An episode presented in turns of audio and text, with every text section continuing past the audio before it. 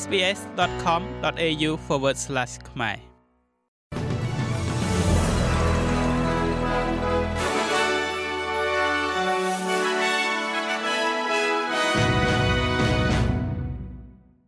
ចាសសូមស្វាគមន៍មកកាន់នេតិព័ត៌មានខ្លីៗរបស់ SBS ខ្មែរសម្រាប់ថ្ងៃអង្គារទី20ខែមិថុនាឆ្នាំ2023មនុស្ស4នាក់បានរងរបួសដោយសារតែបរិះម្នាក់កាប់នឹងពូថៅនៅទីក្រុងអុកឡែននៃប្រទេសនូវែលសេឡង់ មានសេចក្តីរាយការណ៍មកថាពួកគេទាំងអស់គ្នាស្ថិតនៅក្នុងស្ថានភាពនឹងណូនៅក្នុងមន្ទីរពេទ្យគណៈដែលជនសង្ស័យអាយុ24ឆ្នាំបច្ចុប្បន្នកំពុងស្ថិតក្នុងការឃុំឃាំងរបស់ប៉ូលីសសាក់សៃនិយាយថាបរិះម្នាក់នោះបានវាយប្រហារភ្ញៀវដែលកំពុងតែទទួលទានអាហារដោយចៃដន្យនៅឯភោជនីយដ្ឋានចិនចំនួន3ជាប់ជាប់គ្នា នៅមុនពេលត្រូវបានចាប់ខ្លួន បកមកក្នុងប្រទេសអូស្ត្រាលីយើងវិញប្រជាជននឹងដឹងអំពីការបរិច្ឆេទដែលពួកគេនឹងត្រូវធ្វើការបោះឆ្នោតប្រជាមតិដើម្បីទទួលស្គាល់ជនជាតិដើមនៅក្នុងរដ្ឋធម្មនុញ្ញ។វាកើតឡើងនៅពេលដែលសភាបានអនុម័តសេចក្តីព្រាងច្បាប់មួយដែលអនុញ្ញាតឲ្យមានសម្លេងជនជាតិដើមទៅកាន់សភាសហព័ន្ធកាលពីថ្ងៃច័ន្ទទី19ខែមិថុនាដែលជាការធ្វើប្រជាមតិលើកដំបូងក្នុងរយៈពេល24ឆ្នាំ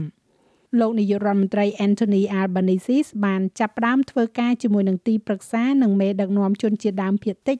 Aboriginal និងអ្នកកោះ Torres Strait ដើម្បីកំណត់កាលបរិច្ឆេទសម្រាប់ការបោះឆ្នោតប្រជាមតិនេះជាមួយនឹងការរំពឹងទុកនៅថ្ងៃទី14ខែតុលាជាពេលដែលរដ្ឋាភិបាលចង់បានរដ្ឋមន្ត្រីទទួលបន្ទុកជនជាតិដើមភាគតិចអូស្ត្រាលីលោកស្រី Linda Burney មានប្រសាសន៍ថា លោកស្រីមានភាពវិជ្ជមានដែលថាការបោះឆ្នោតប្រជាមតិនេះនឹងទទួលបានជោគជ័យ។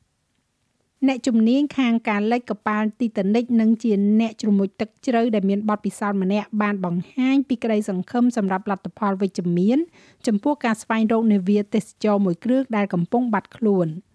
ក្រុមហ៊ុនឯកជនដែលដំណើរការកប៉ាល់នេះគឺក្រុមហ៊ុន Ocean Gate Expedition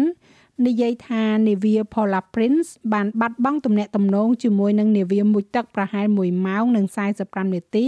បន្ទាប់ពីវាបានចាប់ផ្ដើមមុជទឹកឆ្ពោះទៅរកកន្លែងដែលនាវាបែកបាក់នៅព្រឹកថ្ងៃអាទិត្យទី18ខែមិថុនា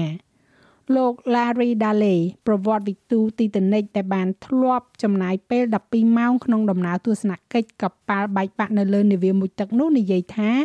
លោកមានសង្ឃឹមសម្រាប់នាវាដែលបាត់ខ្លួននេះដោយសារតែឧបករណ៍បច្ចេកវិទ្យាខ្ពស់ដែលអាចរក្សាជីវិតអ្នកដំណើរបានជាច្រើនម៉ោង។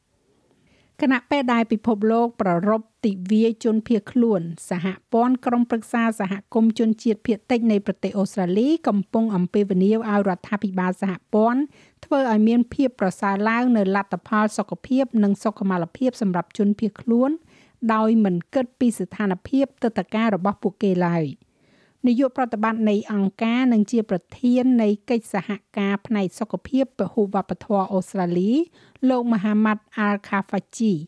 មានប្រសាសន៍ថារដ្ឋាភិបាលលោក Albanese គួរតែបង្កើនលទ្ធភាពក្នុងការទទួលបាននូវធនធានថែទាំសុខភាពសម្រាប់ជនភៀសខ្លួន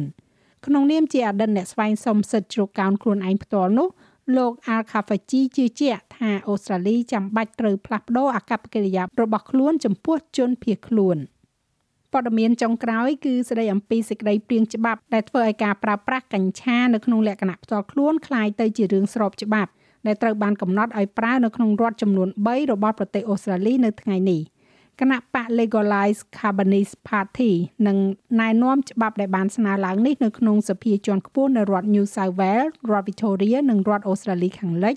ដើម្បីផ្ដល់ភាពស្របច្បាប់ដល់ការកាន់កាប់ផ្ទាល់ខ្លួននិងការប្រើប្រាស់កញ្ឆារបស់មនុស្សពេញវ័យ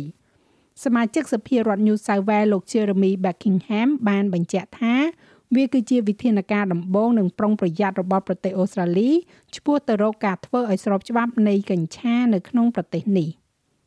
យើងក៏លេខមកមើលអត្រាប្តូរប្រាក់វិញ1ដុល្លារអូស្ត្រាលីមានតម្លៃប្រមាណជា68សេនដុល្លារអាមេរិកទៅនឹង2800រៀលប្រាក់រៀលខ្មែរ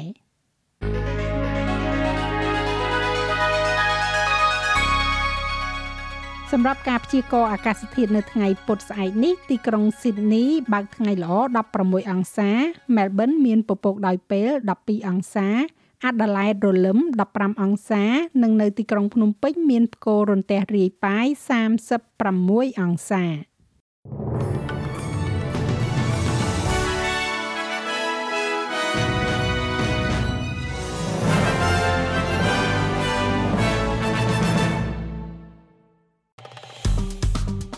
ចុច like share comment និង follow SPS ខ្មែរនៅលើ Facebook